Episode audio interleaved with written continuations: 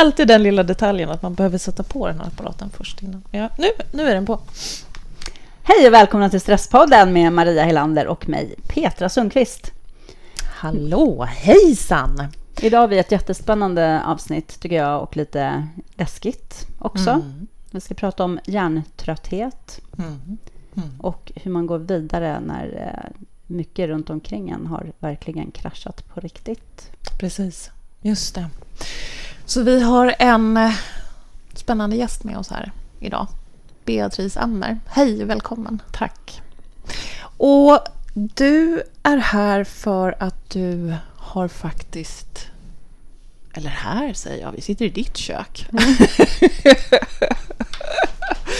Men vi sitter i ditt kök och eh, intervjuar dig just för att du har haft en, en ganska, ganska tuffa år bakom dig. Mm. Det var, och vi satt och pratade lite om det innan här, att, eh, att det egentligen började 2015 när du gick in i en utbrändhet. Ja.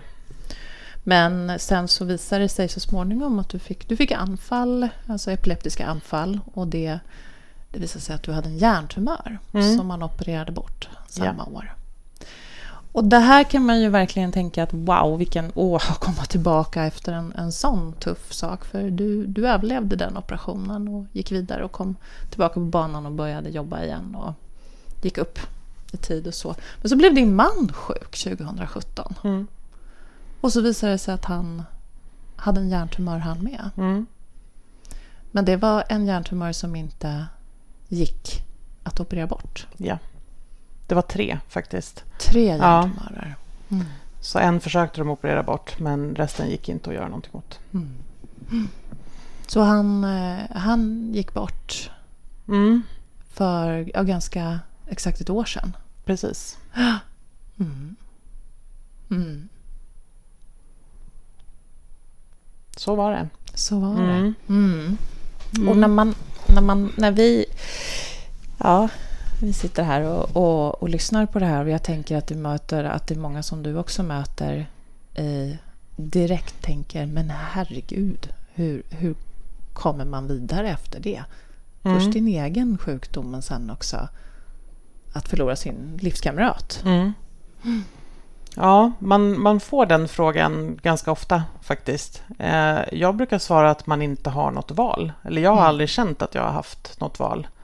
Jag har ju tre barn varav två är sex år bara. Eh, så det är så mycket i vardagen som liksom måste funka. Så att, att bara lägga sig platt på rygg och, och ge upp, det har ju liksom inte mm. funnits en möjlighet till det. Eller inte varit ett alternativ kan man väl säga. Nej. Eh, men det bygger också på att våga, våga ta hjälp och att kunna ta emot hjälp. Mm för att få vardagen att fungera eller för att få allting att fungera. Är det någonting som du alltid har haft lätt för eller någonting som du har fått lära dig? Det har jag nog fått lära mig.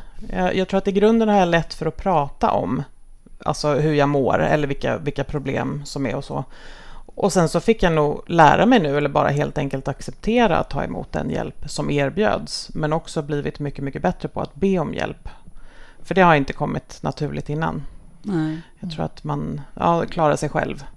Och jag tänker just den här utbrändhetsgrejen, att man ska vara lite duktig och liksom fixa och rodda med allting själv. Eh, det har jag ju fått släppa, för att det har inte gått. Mm. Mm. Men hur, om vi liksom backar här nu, mm. då gick du in i en utbrändhet. Och kan du se så här efteråt vad som eh, var orsakerna till att du faktiskt kraschade helt då?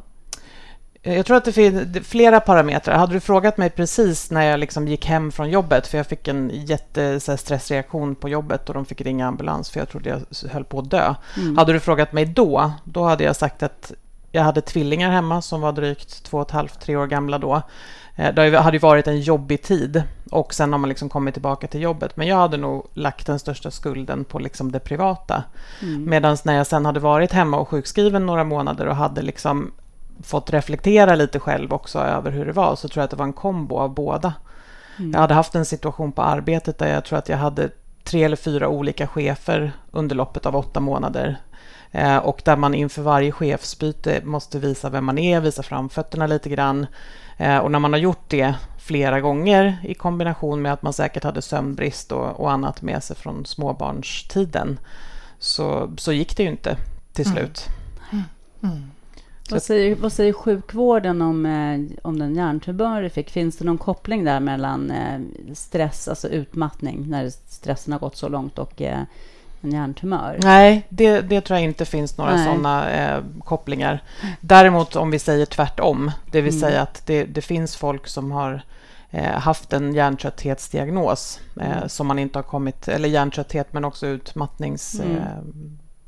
Där man inte har kommit ur det och där man sen har upptäckt att det har funnits en tumör. Mm. Därför att den kan ge samma, samma mm. symptom. Mm.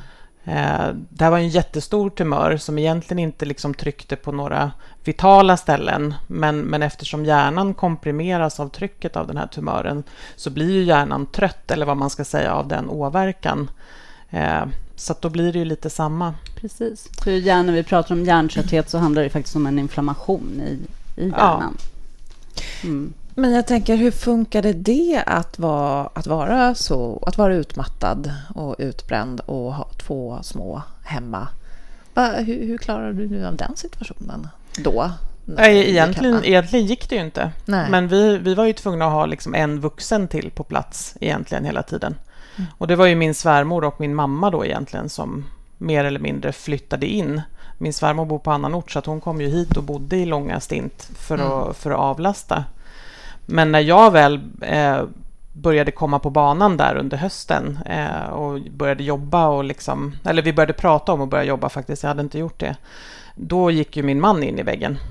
Så att, så att egentligen gick det ju inte, eller vad man ska Nej. säga, för det är ju svårt. Mm. Och för mig krävdes det ju så mycket vila och tid borta från familjen. Där ju han fick ta liksom allt ansvar för det. Tillsammans med då oftast en vuxen till. Mm. Men det var så vi tog oss igenom den, den perioden i alla fall. Med hjälp helt ja. enkelt. Mm. Annars hade det inte gått. Mm. Du har ju verkligen stora erfarenheter både av att vara utbränd själv och också anhörigperspektivet. Ja. I, i att leva Absolut. med någon som är utbränd. Ja, mm. mm. det har jag. Mm. Det kan ju inte heller vara så enkelt att balansera, tänker jag. Nej, det är det ju inte. Och det, det är ju svårt. Jag tänker det här med... Men, och, och, när båda då, för jag var ju absolut inte helt på banan. Och när båda har ett stort behov av att vila och du vet så här. Så blev det ju en väl, väldigt liksom fyrkantig tillvaro. Mm. Alltså vem, vem ska gå upp på morgonen? Nu får du vara uppe i två timmar och sen får du gå och lägga dig och vila. Och att man liksom höll på och rullade sådär. Mm. Och att det egentligen bara handlar om att hålla näsan ovanför vattenytan. Att få familjen att fungera så väl mm. som den kunde. Mm. Eh, och ändå försöka få sina behov av att vila tillgodosedda i det. Mm. Mm. mm.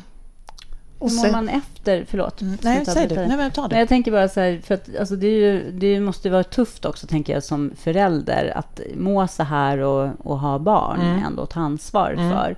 Hur har du liksom eh, härbärgerat den säkert skuldkänslorna som ändå kommer med det här, att faktiskt inte vara den här föräldern som man vill vara? Önskar vara. Ja, ja på, på, lite olika sätt skulle jag säga. För det första så försöker jag vara en närvarande förälder när, när jag liksom orkar och har förmågan att göra det.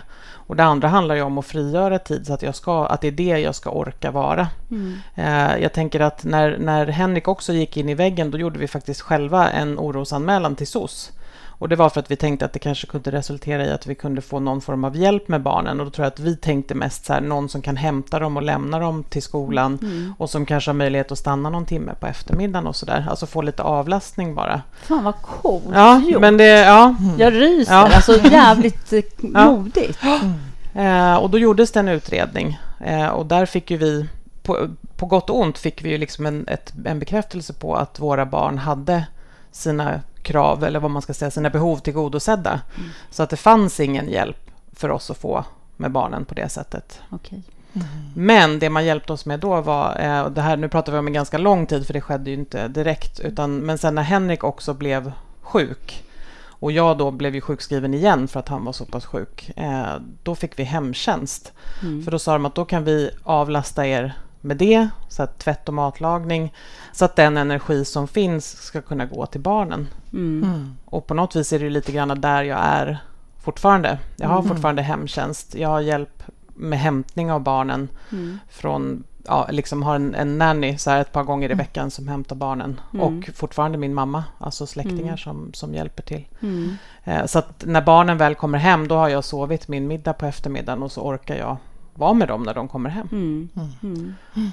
Och sen så tror jag att jag just nu då, om vi liksom hoppar fram till nu, så är det att jag försöker hitta det jag faktiskt orkar göra. Skolan var stängd i tisdags, om vi bara tar ett exempel, och så tänker jag så nu måste vi hitta på något, nu har vi liksom en hel dag lediga hemma. Och så tänkte jag så, ja, men vi går till badhuset, för det vet jag att de älskar. Och så tänker jag så här, men hur ska jag palla det? Alltså den miljön med alla liksom lju- ljud och ljus och, och liksom allt det här. Men så tänkte jag, nej men vi, vi går dit och så är vi där så länge som jag orkar och sen får vi väl liksom gå därifrån. Alltså att göra lite lagom. Inte säga nej, utan man säger ja och så gör man det i den mån som det funkar. Mm. Mm. Så att vi kanske var där in en timme, en och en halv och sen så fick vi gå därifrån. Mm. Men, Mm. men då har vi liksom ändå gjort något. Jag tänker att man får fokusera på det man faktiskt Mm. orkar göra. Mm. Eh, Men sen så tänker jag ju också att du har, du har en stor tjej också. mm, Mitt i, och hon, hon var ju för sig inte så stor när du blev sjuk från början, Nej. tänker jag. Men ehm, där har du, du måste kunna vara, försöka vara närvarande där också mm. under den här tiden. Det har väl varit det svåraste. De, de små tar ju och kräver den tid som de behöver, eller vad man ska säga. Så hon har ju i mycket fått stå tillbaka. Och först var ju jag sjuk och sen blev liksom hennes, alltså det är inte hennes biologiska pappa, men, men så nära man kan komma det, eller vad man ska säga, Mm. så har det varit en jätteresa för henne. Och jag tror Mm. att det är väl där det har brustit mest för mig kanske. Jag tror inte att killarna upplever så mycket av att det, inte är, nej, att det liksom är annorlunda eller vad man ska säga, utan det har Mm. väl i så fall varit mer för henne. Mm. Och att hon också har tvingats bli vuxen eh, rätt fort. Mm. Hur tänker du då att hon har gripit Men hon har in? tagit mycket ansvar. Eh, och jag har inte alltid lagt ansvaret på henne, men hon har känt att hon behöver göra det. Mm. Eh, så att det där har ju vi... Det, det byggdes ju upp under lång tid, eller vad man ska säga, och till slut så brast det väl. Eh, så nu försöker vi hitta en lite mer jämn... Mm. att hon får säga ifrån när hon känner att hon inte orkar hjälpa till. Men att det också är viktigt att hjälpa till för att vi är en familj och att man, Mm. Man får ställa upp. Mm. Men inte orimligt mycket. Men det har jag tyckt har varit en väldigt svår balansgång. Att inte se på henne som vuxen alltid, eller vad man ska säga, utan att hon också måste få utrymme som mitt barn. Har hon svårt att, att säga nej? Och sätta den gränsen? Eller, Ja, hon, Ja. hon hade det. Jag Ja, tror att nu- nu, har vi liksom har fått övat ja. oss fram till det. mm. Så nu, nu känner hon att det är okej att säga nej Mm. och säger också nej. Och jag kanske också får så här, är du säker på det? Mm. Alltså att man ändå så här för, säkerställer verkligen att det, att det är okej. Mm. Att man inte... För jag tänker, jag frågar nog ofta, kan du göra det här eller kan du göra det här? Och, men det betyder inte att man måste, utan det finns ju en möjlighet att säga nej. Mm. Mm. Men där tog hon på sig mycket ansvar i att ja, men om inte jag gör det, då måste ju du och jag vet att du är trött. Mm. Så att då gör jag det liksom. Mm. Ouch. Ja, precis. Ehm, och det var aldrig min avsikt riktigt. Nej, det är klart. Nej, men det är ju en pågående dialog får man väl säga, Mm. hur vi gör med det. Just det. Mm. Ja, för sen, eh, sen drabbades ni ju av den här, en, en chock måste Mm. det vara, tänker jag. Mm. Obeskrivlig chock. Mm. Att sen veta då att, att Henrik blev sjuk och hade en hjärntumör. Mm. Vad, vad hände med familjen? Vad hände med er? Ja, jag, jag, det, det är så här, man, man minns ju nästan inte alltså, vad, vad som hände. Men det var ju en, en stor chock. Jag tror att den, den allra värsta stunden i hela det för mig, det var ju när... För Henrik fick som migrän, vi var på landet och så tyckte jag att han liksom blev lite konstig också. Alltså så här, svarade inte direkt på tilltal och så här. Så det slutade med att vi skickade honom med ambulanshelikopter akut in till sjukhuset. Eh, och sen så repade han sig. Han fick, jag tror att han fick smärtlindrande och så var han, liksom huvudvärken försvann och så kände han sig helt okej. Så att vi pratade ju några gånger medan han väntade på att få resultat och sådär. Men när de sen ringer på kvällen, för jag skickade dit hans syrra så han var inte ensam. Men när han liksom ringer och säger att de har hittat tre tumörer i huvudet på mig och det här ser inte bra ut, för det var så liksom läkaren uttryckte det med en gång. Då var det ju den här klassiska, liksom, någon rycker undan mattan för en man bara ramlar ner i ett avgrundsdjupt hål. Mm. Men sen tror jag att, och så är jag nog med mycket, sen blir det liksom så här lösningsfokus på något sätt. Att okej, men vad säger de att det går att göra och vad mm. händer nu? Och det fanns ju ändå liksom en behandlingsplan till att börja med. Mm. Och då tror jag att man i tunnelseende bara går in i mm. att här, fokusera på det. Mm. Mm. Hur löser vi det här? Ja. På? Och det var ju också mycket hur löser vi det praktiskt och hur gör vi med barnen och hur ska det liksom bli? Mm. Och I början så var han ju hemma för han åt ju cellgifter i tablettform. Så det, vi hade ju från om han nu blev sjuk någon gång på sommaren där eh, 2017 så hade vi hela den hösten var egentligen helt okej okay, och sen så blev han väl riktigt sjuk vid årsskiftet. Och det var då man bestämde att nu finns det liksom inga mer mediciner, det finns liksom ingenting mer att göra. Så att då åkte han ju in akut eh, vid något tillfälle och sen kom han ju helt enkelt inte hem. Mm. Och sen så levde han ju i ja, lite drygt fyra månader blev det väl eh, efter det. Mm. Och då mobiliserade vi bara styrkorna. Det var ju samma sak där, det är ju våra mammor liksom som, som flyttar in och ser till att så här, Henriks mamma fick vara den som tog hand om honom och sen så har ju min mamma varit här och försökt ta hand om barnen och oss andra på bästa sätt och frigjort tid så att jag kunde vara med Henrik så mycket som, som jag ville och orkade. För där hade vi också att själv inte vara helt hundra mm. utan med mycket hjärntrötthet hängande kvar från min egen resa liksom innan mm. så var det ju också viktigt att på något vis hushålla med min energi. Så att det, det vart ju så att jag kunde ju kanske inte vara där så mycket som jag ville för jag orkade inte det helt enkelt. Mm. Nej, för då låg han på ett sjukhus? Ja, alltså, på hospice. Ja. ja. Mm. Mm. Och det är också en jobbig miljö att vara i. Så ja, det gud, ja. är ju liksom... Eh, Dränerande. Exakt, ja. eller hur? Ja. Och även om vi försökte göra det så roligt som möjligt, för det gjorde vi verkligen, och det var ju liksom hans önskan också. Så mycket folk på besök och hitta på mycket mm. galna grejer under tiden som mm. han låg där. Så det var en väldigt fin sista tid, men det är ju mm. fortfarande det där, alltså vakandet eller vad man ska säga. Precis. Mm. Och så blir man ju själv satt som på vakuum, liksom, den här ovissheten. Ja, gud ja. En ju... verkligen bubbla. Ja, precis. Men också tänker jag det här att, att behöva prioritera när du säger att du behöver hushålla med din energi. Ja. Ska jag vara hos min, min man eller ska jag vara hos min ba mina ja. barn? Mm. Henrik var ju så pass klar i knoppen egentligen ända in i det sista så att det gick att liksom resonera med honom. Och jag tror att vi båda två bestämde ganska tidigt att det var ju barnen som var det viktigaste. Och att vi, att vi uttalade det också, att jag sa att du fattar väl att jag egentligen vill vara här hela tiden? Ja, det visste han ju och han sa jag vill ju egentligen att du ska vara här hela tiden. Men nu går det inte att göra så därför att det viktigaste är barnen. Mm. Så att det vart aldrig någon... Mm. Alltså jag brukar försöka tänka att jag inte ska ge mig själv dåligt samvete för det. Men det gör man någonstans ändå, för egentligen vill man räcka till mer än vad man, mm. vad man kan. Mm. Mm. mm. Det är klart. Men jag tänker att det här är en otillräcklig situation.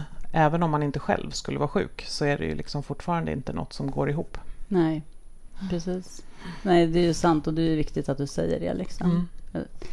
Och också det här att ändå, som du sa förut med, med badhuset och det, så här, vad, vad orkar jag? Tänk om alla mm. ändå kunde ta med sig de kloka orden som du sa. Mm. Att liksom, alltid, då skulle vi inte ha så många som heller gick in i väggen. Nej. Liksom. Jag, fund, jag klurade faktiskt lite på det innan, vad, vad, liksom, vad jag har försökt lära mig själv och vad som kan vara liksom ett litet knep, så tror jag att det är just det. Man måste inte alltid säga fullt ut ja eller fullt ut nej till heller förslag som dyker upp. Jag tänker när du får erbjudande om och så här, nu fyller jag år, kom hem till mig på fest och så är din första, så här, fast jag orkar inte vara bland mycket folk och det där är liksom ingen miljö för mig. Men att man då istället säger ja, jag kommer gärna, men jag är där mellan sju och åtta ungefär och sen behöver jag gå hem. Mm. För jag tror att det är väldigt det är väldigt lätt att säga nej på ett sätt, fast det är det inte heller, för det är inte så lätt att nej. säga nej. Men jag tänker att det är lätt att så här, jag vet att jag inte orkar, så därför ska jag säga nej. Det är det man liksom tutar i sig själv från början. Men att det kanske finns en, en, medel, en medelväg på något mm. vis. Mm. Ja, men och precis. För jag menar, också behöver man kanske göra de där lite ro, som ändå är roliga Exakt. saker också en liten stund. Ja. Så då kan man ju plocka russinet ur kakan. Exakt. Och jag tänker så att, att tillåta sig och att våga göra det också. Mm. För mm. Det, det är ju svårt. Det är svårt för andra att förstå hjärntröttheten. Men, eh, men jag tänker att genom att man måste ju prata och berätta och försöka förklara, men sen är det inte så lätt att förstå om man inte alls har varit med om det själv. Nej. Ja, det är ju ingenting som syns på dig. Liksom. Nej, oftast inte. Mm. Det kan ju verkligen bli så här ridå så att det blir dött i ögonen om det går riktigt långt. Alltså om mm. man tröttar ut sig riktigt ordentligt. Mm. Men ofta syns det ju inte. Mm. Mm. Man, jag upplever det nog oftare själv när det börjar bli sekt. Jag tappar ord och att det liksom blir så här, så tror jag inte att det kanske är något som andra tänker på utan det stör nog mig först innan det blir synligt liksom utåt. Mm. Och det är ju svårt.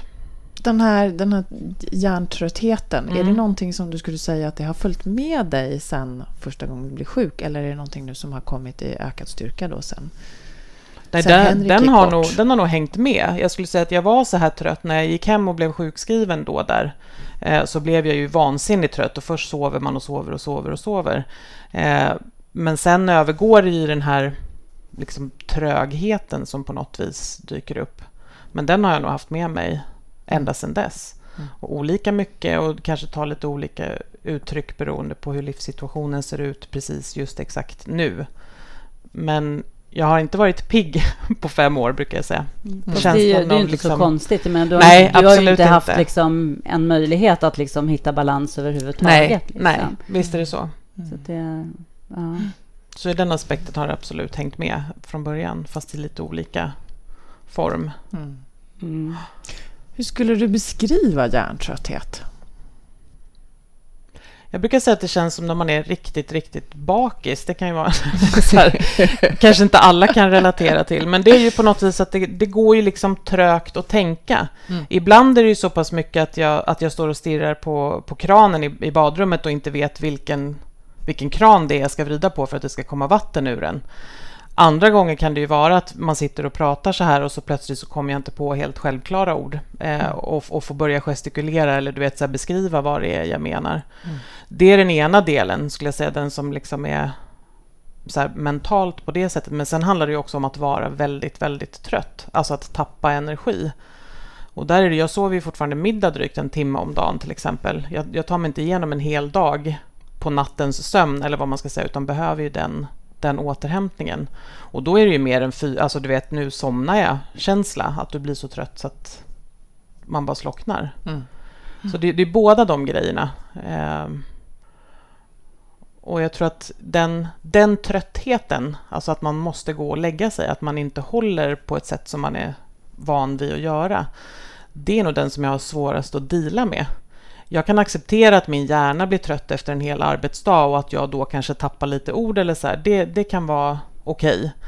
På något sätt mer okej okay än det här att man faktiskt måste sova. Att det kan vara grejer man hoppar över att göra. Man kan inte göra en hel dag med någonting därför att jag vet att jag måste få den här stundens sömn eller liksom ordentlig återhämtning på, på eftermiddagen. Mm, mm. Där är jag inte riktigt lika snäll med mig själv, tror jag. Mm. Som mer med den här mentala biten. Mm. Mm. mm. Hur ser du liksom på, på framtiden nu och kunna hitta balans och må bättre? Eller på, det pågår ju ständigt, ja, kan man säga. Så här, tar du bara hand om dagen på något sätt? Liksom, eller? Både ja och nej, därför att jag känner att när, när, man, när, man, när man har det här och lever i det här så är det jätteviktigt att planera. Jag, jag måste liksom veta. Jag tänker så här, hur ska sommaren se ut nu? När ska vi vara lediga? Det behöver jag liksom ha långt i förväg så att jag kan ställa in mig på hur det ska se ut. Sen om man tänker ur ett ännu längre perspektiv eh, så vet jag ju inte riktigt. Alltså den neurolog som jag går till nu säger ju att de, de skadorna som blev på hjärnan rent fysiskt av tumören eh, ser ju inte ut som att de skulle ha gett mig några livslånga men. Alltså det finns fysiska förutsättningar för att jag ska kunna komma tillbaka helt. Mm. Samtidigt som han ju säger, precis som du var inne på också, det här är ju så färskt. Alltså det är ju fortfarande mitt i det. Så att i dagsläget vet man inte hur lång tid det kommer att ta. Nej. Och nu pratar man ju om att det finns lite så här mediciner och grejer som man ibland försöker sätta in mot hjärntrötthet när den har varit väldigt länge. Men alltså vi är fortfarande ett par år ifrån det. Alltså först måste du ju läka, om man säger själsligt och allt det här för, av allting man har varit med om innan man kan börja prata om att sätta in mm. några andra typer av mm. ja, mediciner eller liksom någonting annat. Mm. mm. mm. Så att jag, jag, hoppas ju att jag, att jag kommer komma tillbaka mm. till det jag var förut. Och läka själsligt, mm. säger du. Mm. Hur, hur, gör man en sån sak? Ja, hur gör man det? Jag tror att det är lite det här som vi var inne på, att, att våga säga ja till saker som man mår bra av. Mm. Eh, fysisk rörelse har ju varit liksom räddningen från, ända från första början. Och då, jag är ute och promenerar, så att vi pratar inte stenhård träning, men att röra på sig. Lura kroppen att frisätta de här liksom må bra-grejerna. Mm. göra saker som man mår bra av. Och ibland kanske göra dem även om du vet att det här blir ett väldigt stort uttag på mitt energikonto. Mm. Så vet man ändå att det kommer ge så pass mycket att man, att man väljer att göra det i alla fall. Mm. Och få ta den där dagen efter med trötthet, extra mycket trötthet. Mm. Mm. Men för att ändå tanka, mm. tanka energi. Just det. Och sen så tror jag att det är tid bara. Mm. Det svåraste kanske, att ge sig själv tid och tro på att det ordnar sig till slut. Mm. Det, det är många som...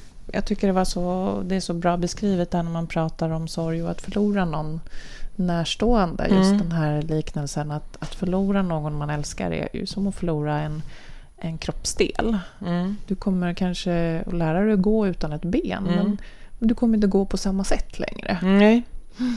Och där är ju, det, är ju, det är också liksom en balansgång eller vad man ska säga. För, och jag har hela tiden försökt tänka så här att jag ska i alla fall inte bli bitter. Sen vet jag inte hur väl jag lyckas med det jämt. Men att liksom försöka tänka på det man fick och inte tänka så mycket på det jag inte fick. Alltså det är klart att jag har förlorat något, men jag har ju också fått något. Och då tänker jag med, med Henrik och de tio år som vi fick tillsammans och de här två barnen och allt det här. Alltså då får man ju tänka att jag gick ju in i det som en människa och ur det som, som en annan. Mm. Så det är klart att det har ju påverkat mig. Och att försöka vara lite tacksam för det positiva som kom ur det. Sen kan man inte det alla dagar, men att grundtanken ändå ska vara det. Mm. För jag tror att den, det första du tänker så här, det är ju så här, man blir ju blåst på, ja men vi har ju skojat om när vi blev pensionärer och då skulle man få, du vet inte vet jag, röka cigarrer och, och dricka liksom mm. whisky mitt på dagen och allt det där. Och jag tänker det har man ju blivit fråntagen så det är klart att det finns en, en besvikelse över att mm. framtiden inte ser ut på det sätt som jag faktiskt hade tänkt mig. Mm. Eh, men man vet ju aldrig mm. egentligen. Nej. Och nu blev det ju så här och då får man på något vis starta om. Men, mm. men det är väldigt mycket så, och det tror jag att jag börjar landa i nu. Nu är det ett år sedan som han gick bort och jag tror att det är först nu som jag börjar tänka så här, men vem är jag utan honom då? Men det ligger ju faktiskt en möjlighet i det också. Inte bara hur ska jag klara mig utan, utan mer så här, vad ska det bli med resten av livet nu? Mm. När det blev så här. Just det. Mm. Och att det är som du säger, att det, det kan vara en, det är en möjlighet. Ja. Mm. Utan att verka alltför liksom klämkäck. För det som jag säger, det är inte alltid det känns så. Men man måste försöka backa tillbaka och tänka att okej, okay, jag valde inte det här, men nu blev det så här, så hur gör vi nu? Det här lösningsfokuserade kanske, mm. alltså lite framåt mm. driv. Mm. Mm. Mm. Ja, för det är sant, för att jag menar, även ifall eh, han hade funnits så skulle du inte kunna veta hur framtiden Nej. ändå skulle se ut. Liksom. Utan det är ju tanken och föreställningen om som Eller hur? man blir så man kan, man kan inte klamra sig fast vid det man trodde skulle bli heller. Nej. Det är ju alltid en önskan, men det vet man ju inte liksom ändå. Nej. Mm. Mm. Nej. Jag tänker att du har ju under eh, hela, hela vårt samtal här så har ju du kommit med otroligt tänkvärda och, och, och, bra råd. Dels det som du försöker att göra själv och dels det. Jag menar, det som du tänker att många mår bra av. Mm. Skulle vi kunna sammanfatta till tre bra tips så där som du har lust att skicka med människor som har en form av hjärntrötthet med sig? Får vi ihop tre? Jag skulle säga fysisk, eh, alltså att röra på sig. Mm. Ut och ta en promenad. I början var mina en kvart långa och jag lät som om jag hade astma när jag kom in, eh, för kroppen är så, så slut, så slut, så slut. Liksom. Men, men att ändå göra det och få till den vanan, alltså gå ut och stirra lite på träden, det låter ju så typiskt flummigt. Eh, men, men jag tror på det. Jag tror på frisk luft och jag tror också på att, att, också att trötta ut kroppen på samma sätt som huvudet på något vis är trött, så att det går att sova gott sen. Alltså att du liksom ändå, både kroppen och knoppen ska vara trött mm. när du lägger dig för att sova. Och sen så tror jag den, den kanske blir tredelad, men jag tänker så här, det är ju viktigt att kunna säga nej. När, du, när hela du och hela din kropp känner att det här går inte, jag vill inte, jag orkar inte. då ska man säga nej. Men jag tänker att det är också lika viktigt att säga ja, alltså att våga säga ja. Och då kanske med det tillägget att då skulle jag vilja att vi gjorde så här. Som, som det här festexemplet, att så här, ja, jag kommer gärna på den där middagen, men jag tror att jag bara är med medan vi äter middag och sen behöver jag gå hem. Eh, att, att tydligt själv sätta reglerna för det. Mm. För jag tror att det är så lätt att säga så här, ja men vi får se. Och, och jag tänker så här, dagsformen får avgöra och det gör den alltid. För det kan ju vara ett ja först och sen måste det ändå få bli ett nej om, om det absolut inte går. Eh, och, och där tror jag att man måste omge sig med folk som förstår. Ni la ut någon jättebra bild på, på Instagram som var så mm. klockren mm. med det, tror jag. Mm. Häromdagen wow. precis. Ja, men det här att, att man säger ju inte nej av elakhet, utan man säger ju nej för att jag måste ta hand om mig. Mm. Det betyder inte att jag inte tycker om dig. Och tänker, någonstans så kanske det blir så, det, och så har det varit längs vägen. Det har ju fallit ifrån lite folk som inte köper det här. Mm.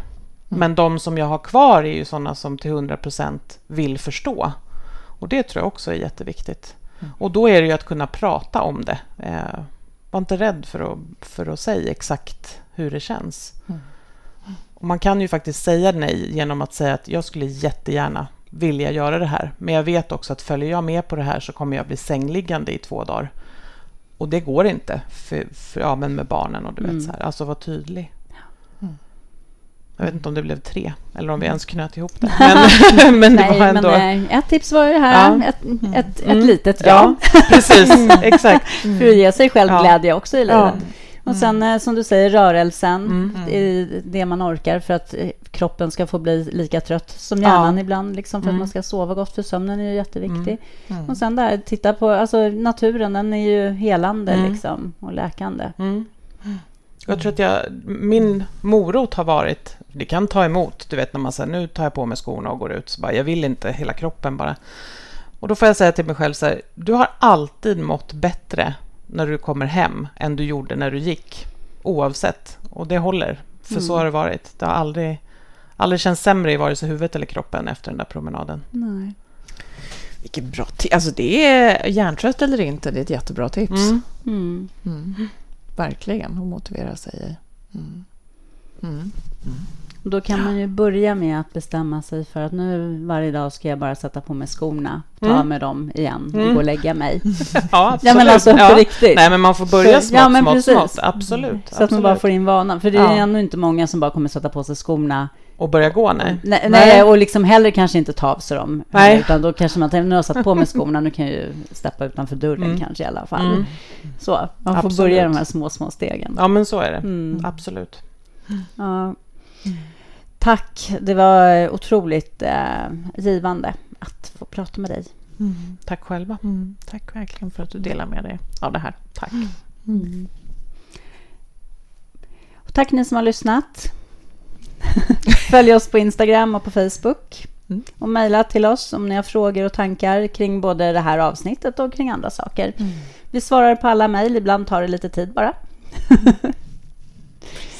Ta hand om er mm. och var rädda om er energi helt mm. enkelt. Tack för att ni lyssnar. Ja. Mm.